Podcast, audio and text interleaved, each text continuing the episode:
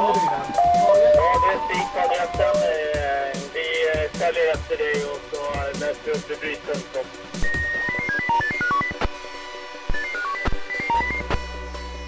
Välkommen till Blåljus Tyresö här på Tyresöradion. Jag heter Jerker Pettersson. I tidigare avsnitt kunde vi höra när Södertörns brandförsvarsförbunds räddningscentral ledde brandmännen i kampen mot elden i Dalarna sommaren 2018. Idag ska vi ta oss en närmare titt in i själva räddningscentralen i det här unika reportaget från insidan och höra hur arbetet går till och hur det är att arbeta där som larmoperatör. Häng med!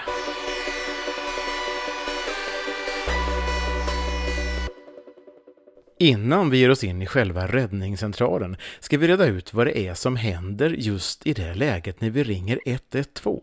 Och det gör vi med Hans Granlöv som är produktionsledare på RCSL, Räddningscentralen Stockholms län. Många tror ju att man hamnar hos oss på, på räddningstjänsten på en gång och visst, vi har en räddningscentral och, och det är vi som larmar ut eh, brandbilarna. Men när man ringer 112 så hamnar man hos SOS Alarm. Det är de som har eh, uppdraget utav staten att eh, svara på vårat larmnummer. Och var finns SOS Alarm? De finns på, på 13 olika ställen runt om i landet och här i Stockholm så har vi en eh, central nersprängd i berget eh, uppe vid Johannes. Eh, ligger faktiskt på 40 meters djup där. Under Johannes kyrka någonstans då? Ja, ganska precis under Johannes kyrka om jag är i Stockholm så hamnar jag förmodligen där då. Men kan det vara så att om de har fullt så kan jag hamna i ja, någon annanstans? Göteborg eller? Oh ja, det är, om, man, om alla Stockholmssamtal skulle hamna i Stockholm då, då skulle man ha en väntetid på eh, säkert halvtimmen. Nej, riktigt så fungerar det inte utan Eh, det är den central som har eh, minst att göra som får samtalet. Den operatör som är ledig som tar samtalet och det kan vara i eh, Umeå, det kan, eller Luleå förlåt, eller Sundsvall, det kan vara i Malmö. Det kan lika väl vara i, i Stockholm. Det är ju så här när oavsett vilken central, SOS-central som svarar så sitter man i, i samma system, man har samma kartsystem. Och eh, det viktiga här är att man, man svarar på de frågor som SOS-operatören ställer. Och det man vill ha reda på det är ju vad som har hänt. I det här fallet så är det då en brand. Eh, och vi kan väl för enkelhetens skull då ta en markbrand som har varit vanligt i sommar. Eh, och det nästa man vill ha reda på det är vilken kommun man är i. Och anledningen att man vill ha reda på vilken kommun det är, det är för att man ska kunna vidarekoppla en medlyssning som det heter till rätt räddningstjänst. I det här fallet så, så eh, brinner det i skogarna kring Tyresö. Eh, och då är det ju Tyresö kommun och eh, då kopplar man oavsett vilken SOS-central som har tagit emot det till Tyresö kommun, vilket innebär att den här medlyssningen hamnar här nere hos oss, hos våra operatörer. Och det här går på bara några sekunder. Så fort du som inringare har eh, talat om att det är Tyresö kommun så får vi en medlyssning. Då sitter vi och lyssnar på, ja inte jag då, utan våra operatörer. Eh, sitter och lyssnar på ert samtal när du och eh, 112-operatören pratar. Och under tiden då, då sitter vi och skriver i vårat system som då är parallellt med SOS system. Och vi larmar samtidigt ut de räddningsfordon som behövs till rätt adress. Så det här sköts parallellt. Så medan du pratar med SOS-operatörerna, då larmar vi ut eh, brandbilarna. Har också SOS-operatören kommunikation med er då så att de vet vad ni gör? Ja då, vi, vi kan ju till exempel eh, ställa frågor till SOS-operatören som inte du hör. Utan det blir som en spökröst i, i lurarna åt SOS-operatören. Där vi kanske ställer kompletterande frågor. Mm, fråga inringaren det här och så ställer vi en fråga. Och då gör 112-operatören det och då hör ju vi svaret och så kan vi eh, gå vidare i vårt arbete en reflektion bara, att vara 112-operatör och å ena sidan då ha en inringande och å andra sidan ha en räddningscentral och så ska man då koordinera det här med alla skärmar och system. Det kräver en viss simultankapacitet va? Det är ju ett av de eh, test som vi gör på, på alla operatörer. Du är tvungen att vara rätt simultan. Du ska eh, jättegärna kunna eh, rita en fyrkant med ena fingrarna och, eller ena handen och rita en cirkel med andra. Samtidigt som du stampar takten med, med foten. Om vi nu tar den här Tyresöbranden, den påhittade här, så har vi då kommit så långt att nu har det gått ett larm till eh, Tyresö brandstation då? Ja, och eh, då får eh, brandkillarna och tjejerna där i Tyresö ett larm som talar om att det är en markbrand på en speciell adress. Det här får de då både i högtalare inne på stationen men även då i de radioapparater de bär. När de kommer ut i bilen så får de mer information plus att de eh, är i kontakt med våra operatörer som berättar mer och kan guida dem då via eh, den här kartan som vi har. Och där ser ju vi eh, vart bilen åker i realtid så vi kan också vägleda dem. För ofta när det är markbränder så, markbränder då, så är ju inte det inne i, i city direkt där det är gator och gatunummer utan det är oftast ute i terrängen. Hur länge är SOS med i det här förloppet eller släpper de i något läge? Oftast så är det vi som släpper först. Eh, för när vi har fått den informationen vi behöver eh, då, då, säger våra operatörer brand går ur. Och, och då vet 112-operatören att vi som räddningscentral då släpper telefonsamtalet och gör det vi ska då, alltså att fortsätta utlarmningen. För det kan ju vara så att vi, vi ska larma flera eh, brandstationer. Och det har varit väldigt, väldigt vanligt i, i år med tanke på den extrema torkan. Vi har kört någonting som heter aggressiv utlarmning. Och eh, även om det har varit en, en liten brand så eh, har vi dundrat på med, med ganska mycket manskap och fordon och det är bara för att vara på den säkra sidan. Det är bättre att larma för mycket och kunna backa tillbaka än att larma för lite och vara tvungen att larma ut ännu mer, för då ligger man tvåa. Och den utlarmningen sköter ni då härifrån? Då är inte SOS inblandat eller? Nej, från och med att vi har fått eh, vad det gäller för någonting och eh, var det är. Sen är det vi som tar över eh, det här räddningstjänstärendet. Så då leder vi allting härifrån. Och det är det vi kommer att få höra nu av våra operatörer, vad, vad deras jobb går ut på.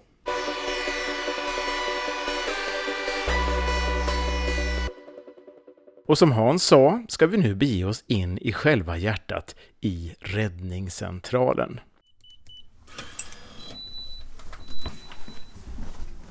Så är vi inne i första rummet här i någonting som eh, vi kallar stabsrummet. Här eh, kan vi gå upp i stab eh, och stab det berättade jag ju i förra tillfället. Det är när man tar hand om en särskild händelse. Och så in till höger här så har vi våran, våra trafikrum. Och det är där det händer. Och det är det, det som är centralen? Det är det som är hjärtat i centralen och mm. det är det vi ska... Det är det vi ska prata om? Jajamän. Ja. Vi slår oss ner vid ett av larmoperatörsborden för att träffa en av dagens larmoperatörer som snart har jobbat hela åtta år på räddningscentralen och som har en intressant bakgrund. Jag har varit skådespelare och musiker i, eh, ja, säg 35-37 år. Jag har jobbat lite inom vården, jag har jobbat som lärarvikarie, jag har um, sålt bilar jag heter Erik Hansson, är larmoperatör på Räddningscentralen Stockholms län. Skådespelare och musiker, har du nytta av det kanske? Det vill jag mena att jag har. Eh, det här är ju, vi jobbar ju, ska vi kalla det för sekundoperativt. Det vill säga man, man mår ganska bra av att ha en förmåga att improvisera runt olika saker och ting. Vi har ju flera bollar som hänger i luften ganska ofta och kunna prioritera det vill säga kunna reagera rätt på någonting som händer. Samma sak var det när man jobbar på scen. Att händer det saker i publiken, ja, men då får man plocka upp det och kanske ändra om någonting. Eller någon kommer av sig, ja, men då får man göra någonting av det. Förutom den nytta du har av bakgrunden, då, vad är det för utbildning för just larmoperatör man går? Det är en intern utbildning som är här på räddningscentralen. där, eh, ja, delvis här. Vi får också åka upp till Uppsala till SOS-skolan och uh, sitta där och lära oss själva systemet, det här Cordcom-systemet som vi jobbar i. Och också få en förståelse för, vi har ju ett väldigt nära samarbete med SOS-operatörerna. Det är de som medlyssnar till oss så att vi förstår vad de har att jobba med och hur de jobbar. Om du jämför när du började och idag, vad är största skillnaden då? Jag skulle säga att när jag började så var jag ganska orolig för när larmen kom. Och det är ju naturligt. Det här är ju inte... Det här är på riktigt. Vi, vi sitter i en position där vi är en del av att rädda liv och egendom. Det är verkligen på riktigt. Ehm, så det var jag orolig för men vartefter jag har kommit in i det så sitter jag numera det kanske låter fel om jag säger att jag längtar efter larm men lite grann så är det ibland. Att det, jag tycker det är spännande, det är intressant. Det är inte alltid roligt men det är, det är viktigt och det är, jag tror att vi gör ett ganska bra jobb här. Så, ja, jag, tycker det, jag, jag trivs när det händer saker. Hur lång arbetspass är det? Det beror sig lite grann på. Vi har ju ett uh, treskiftsschema. Vi finns ju här dygnet runt, året runt. Uh, och på vardagarna då så jobbar vi antingen 07 till 15.15 15, eller 15 till 23.15 eller 23 till 07.15. Med lite raster då hoppas jag? Uh, det beror sig på lite grann vad som händer. Och är det väldigt, väldigt körigt så, så kan det bli lite si och så med rasterna. Jag vet inte hur många gånger jag har värmt om min lunchmat. Man går ut och stoppar den i mikron och så får man en medlyssning och sen går man ut och stoppar den i mikron och så kommer en ny medlyssning. Så kan det se ut sådär. Ibland är det jättelugnt. Ja, vi ska återkomma till det här med medlyssning mm. och hur det går till. Du, en normal dag, eller normalpass, finns det? Nej, ja, eller det är det som tilltalar mig väldigt mycket med det här jobbet. Att när jag kliver innanför dörrarna här så har jag inte en aning om vad som ska hända. Jag vet ingenting. Det kan vara hur lugnt som helst. Det kan vara hur mycket som helst och allt däremellan. Hur känns det om man har gått av ett pass och går hem? Kan du liksom släppa det eller? Jag känner nog olika beroende på vad, hur dagen har varit. Det jag tycker väldigt, väldigt mycket om med det här jobbet och som jag inte alltid har känt eh, i andra jobb. Eh, det är att när jag går härifrån då kan jag nästan alltid klappa mig själv på axeln och säga att ja, men du gjorde lite skillnad idag. Du, du har gjort någonting bra under dagen. Och den känslan tror jag är för mig är den jätteviktig för att jag ska trivas i mitt arbetsliv och kanske i livet överhuvudtaget. Det låter som ett meningsfullt jobb. Ja men det är precis så. Det, det är ett meningsfullt jobb. Det är, det är ett viktigt jobb och vi gör skillnad. Det, jag tycker om det. Sen för att gå, spinna vidare bara på den frågan då. För det, det finns ju händelser som kan vara svåra att skaka av sig. Vi sitter i medlyssningar som ibland är väldigt, väldigt jobbiga. Men där finns ju också möjligheten då, vi har kamratstödjare så att det finns möjligheter att tillsammans med välutbildad personal få prata av sig och berätta och kanske få bilder av, alltså få den he hela bilden. Vi, vi, vi, vi är ju aldrig ute, vi ser ju inte hur det ser ut, vi känner inte lukterna, alltså, vi hör inte hur det låter på plats. Och det här kan vara viktigt för att bearbeta min medlyssning, att jag får höra vad brandmännen säger, vad ambulansen säger, vad polisen säger, hur de har upplevt det. Finns det någon händelse som du dels har, har ätit sig fast i ditt huvud och som du kan berätta om? För det är inte allt du kan berätta om heller. Nej, det är inte det och jag ska nog kanske inte göra det heller. Men det finns några händelser, ja, som, som sitter kvar.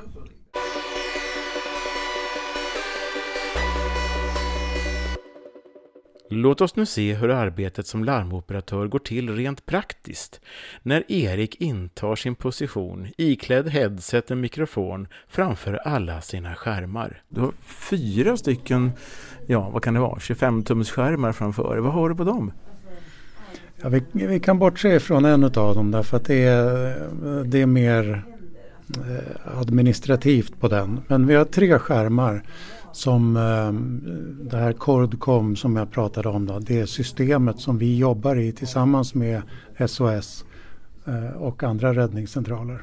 Eh, och det är uppdelat lite grann då, så att vi dels, det här blir ju konstig radio eftersom bilderna inte finns med, men vi har en skärm för bara kart, kartor. Och där ser jag var våra brandbilar finns och har jag ett ärende uppe så ser jag dessutom var ambulansen finns som är kopplad till det ärendet. Och jag kan följa dem, hur de åker och jag kan dessutom styra dem och kanske föreslå att eh, istället för att åka rakt fram, ta höger vid nästa korsning så kommer du komma fram fortare. Och här kan du, få, du får alltså en överblick, här kan du se större områden än det vi ser just nu är Huddinge och Tumba. Inga som helst problem. Jag kan zooma ut i princip hur mycket som helst så att jag ser hela Sverige på skärmen. Eller gå in väldigt nära både på kartbild, jag kan gå in eh, och få ett sjökort, jag kan gå in och få satellitbilder. Och det kan vi se om vi tittar i Stockholm just nu här den 1 november klockan, ja vad är det, 14.30. 14.32 till och med. Ja, det är väldigt många sådana här etiketter för varje fordon som är ute. Det är alltså enormt mycket blåljusfordon. Ja det är det. Det finns ju många, vi har ju många stationer i, i Stockholmsområdet. Eh, och det vi kan se här det är både Storstockholm eh, som är sina egna så att säga även om vi samarbetar över gränserna. Och sen även vårat då inom Södertörn. Ska vi ta och zooma in på Tyresö lite grann? Det kan vi göra. Och se hur det ser ut där just nu. Då ser vi att på eh, Tyresö brandstation så står alla bilar inne utom en.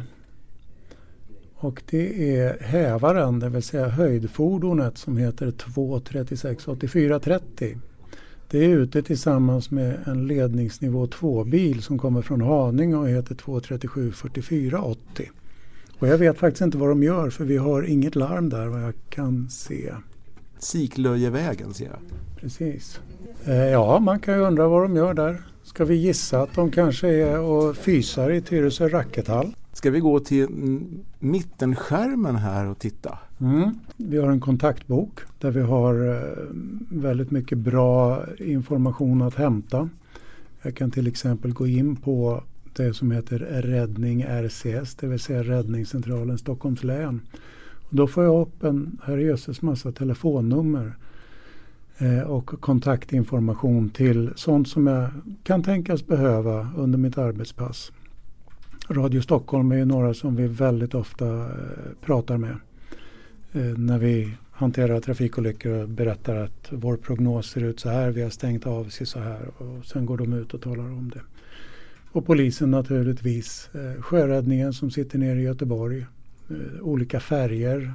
Jag har en kommunikationsruta där jag ser, nu är det ganska lugnt här så det, det hörs tyvärr ingenting än men det är här jag får in medlyssningar, jag får in radioanrop, jag får in automatlarm och eh, telefonsamtal och så vidare från de som jobbar i samma system. Så alltså om det händer något så kommer det att synas på mittenskärmen här? Ja. Eh, sen har vi också någonting som heter uppdatera resurs. Eh, ibland ringer de in och säger att eh, ja, ta Tyresös eh, släckbil 8410 236 8410 ringer styrkeledaren in och säger att nu ska vi byta till vinterhjul. Så nu får du rödmärka mig kallas det för. Och då går vi in och så uppdaterar vi den resursen då. Eh, och kanske skriver en liten kommentar att byter vinterhjul. Och att den inte går att larma just nu. Så du vet du alltid vad som finns att tillgå? Alltså. Exakt, och det ser jag om vi flyttar till den hö högraste skärmen så ser jag det eh, borta i, eh, vi har ju en stationsöversikt här. Och här har du alla, eh, alla våra stationer och några därtill. Eftersom vi samarbetar med Stockholm så får, ser vi deras också. Eh, men vi kan väl titta på Tyresö då. Och då ser du att det är några utav Tyresös, det här är ju bilar. eh, 8410, 8430, 8440. Eh, och då ser du att några är gröna och några är gula. Och de gula, då står det DR på dem, det vill säga de är disponibla radio. De är alltså ute och åker som vi såg att de var vid rackethallen. Då finns de på radio. De kan alltså inte höra om jag gör en stationsutlarmning. Men det gör ingenting för att de får en så kallad call-out på sin rakel så att de får larmet ändå. Så eh, grön, då finns man på station då och, och, gul, då kan det vara någon annanstans helt då enkelt. kan man vara någon annanstans och då kan jag högerklicka på eh, 8430 och så kan jag klicka på centrera i kartan. Och då dyker den upp och nu börjar de röra på sig. Nu har de fysat klart om, de nu, om det nu var det de gjorde. Ja men det kan vi tänka oss då. Ja. Jaha, då får du titta på den vänstra skärmen så att eh, mm. det, det, blir som ett spel här med alla tre skärmarna. Ja det gäller ju att veta vad varje skärm innehåller och vad jag vill få ut av varje skärm. Så hur är det då när det kommer ett larm? För att illustrera arrangerar Erik ett fingerat larm om brand i lägenhet, där Erik medlyssnar samtalet som kommit in till SOS Alarm på 112 och samtidigt agerar. Eh. Brandlyssnare. Ja, då ska vi fixa det och jag ser att det är någonstans i Huddinge, Mogårdsvägen och eh, vad är det som har hänt här? Brand i lägenhet. Vilket våningsplan? Vet vi om det är någon kvar i lägenheten? Ja, men eh, då ska vi ta och larma på det här så eh, dyker vi upp så fort vi kan. Så? Ja, sådär. Så, så är det? Mm. Jag brukar vara tystare, men det blir inte heller så bra radio. Det som händer, anledningen till att det kallas för medlyssning, det är att om du ser att det brinner någonstans eller kommer till en trafikolycka, då ringer du 112. Då hamnar du inte hos mig utan du hamnar hos en SOS-operatör. Den SOS-operatören medlyssnar mig, kopplar in mig i samtalet. SOS-operatören och jag kan prata med varandra. Nu får vi ett eh, samtal här. 800 lyssnar räddning 37 80 06. Ja, det är uppfattat. 8020 har landat Mogårdsvägen 2. Kan vi få ett läge därifrån? Kom har jag uppfattat. Eh, femvåningshus, fullt utvecklad brand på våning 3. Och eh, det vi ser som hot är rökspridning och eventuellt brandspridning till närliggande lägenheter. Något mera kom. Du vill ha en station till och det ordnar vi naturligtvis. Något mer kom. Tackar jag för eh, informationen. 800 klart slut. Vid en händelse, eh, en olycka, en brand, då tilldelas den händelsen en raps. Och en raps det är, ja, låt oss kalla det för en kanal. Och där har vi ett antal kanaler då på 70-bandet, 71 till och med 79. Så det, den tilldelas den händelsen. Går jag ut på raps, säg 72, då hör alla som ligger på den hör vad jag säger. Men jag kan också prata bara med en enhet. Så antingen gruppsamtal eller direktsamtal. Då. Exakt.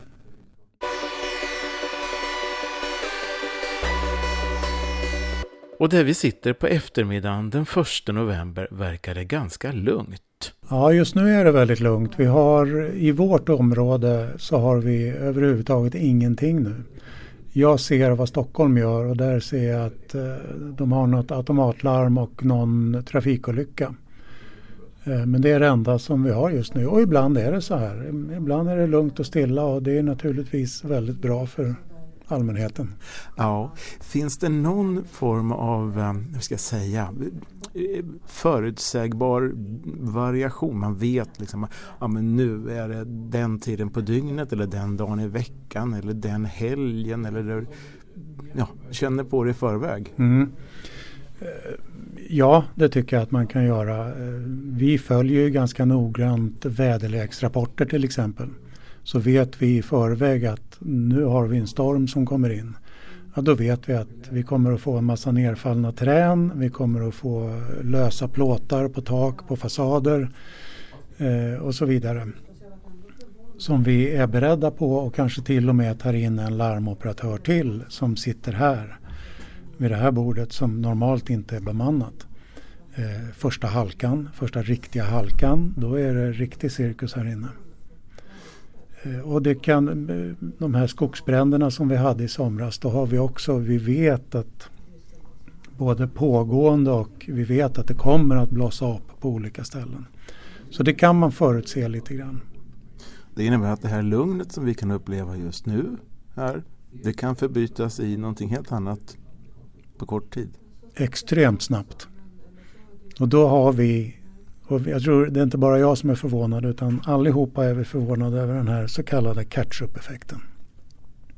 Ketchup-effekten innebärande? Mm. Ja, det händer ingenting och sen töms flaskan på en gång. Det händer massor under, jag kan sitta här i tre timmar och det händer ingenting i stort sett. Och sen under 20 minuter så får jag ett hjärtstillestånd, två trafikolyckor, brand i lägenhet, skogsbrand och eh, två trän över vägen. Funderar ni över varför det är ketchup? Ja, men vi kommer aldrig fram till något. Det går inte att se några mönster. Nej, det gör det inte. Men det är också det som gör det här så intressant. Precis som Erik säger det kommer ett riktigt larm. Så har vi fått in ett automatlarm på Åhléns centrallager i Jordbro.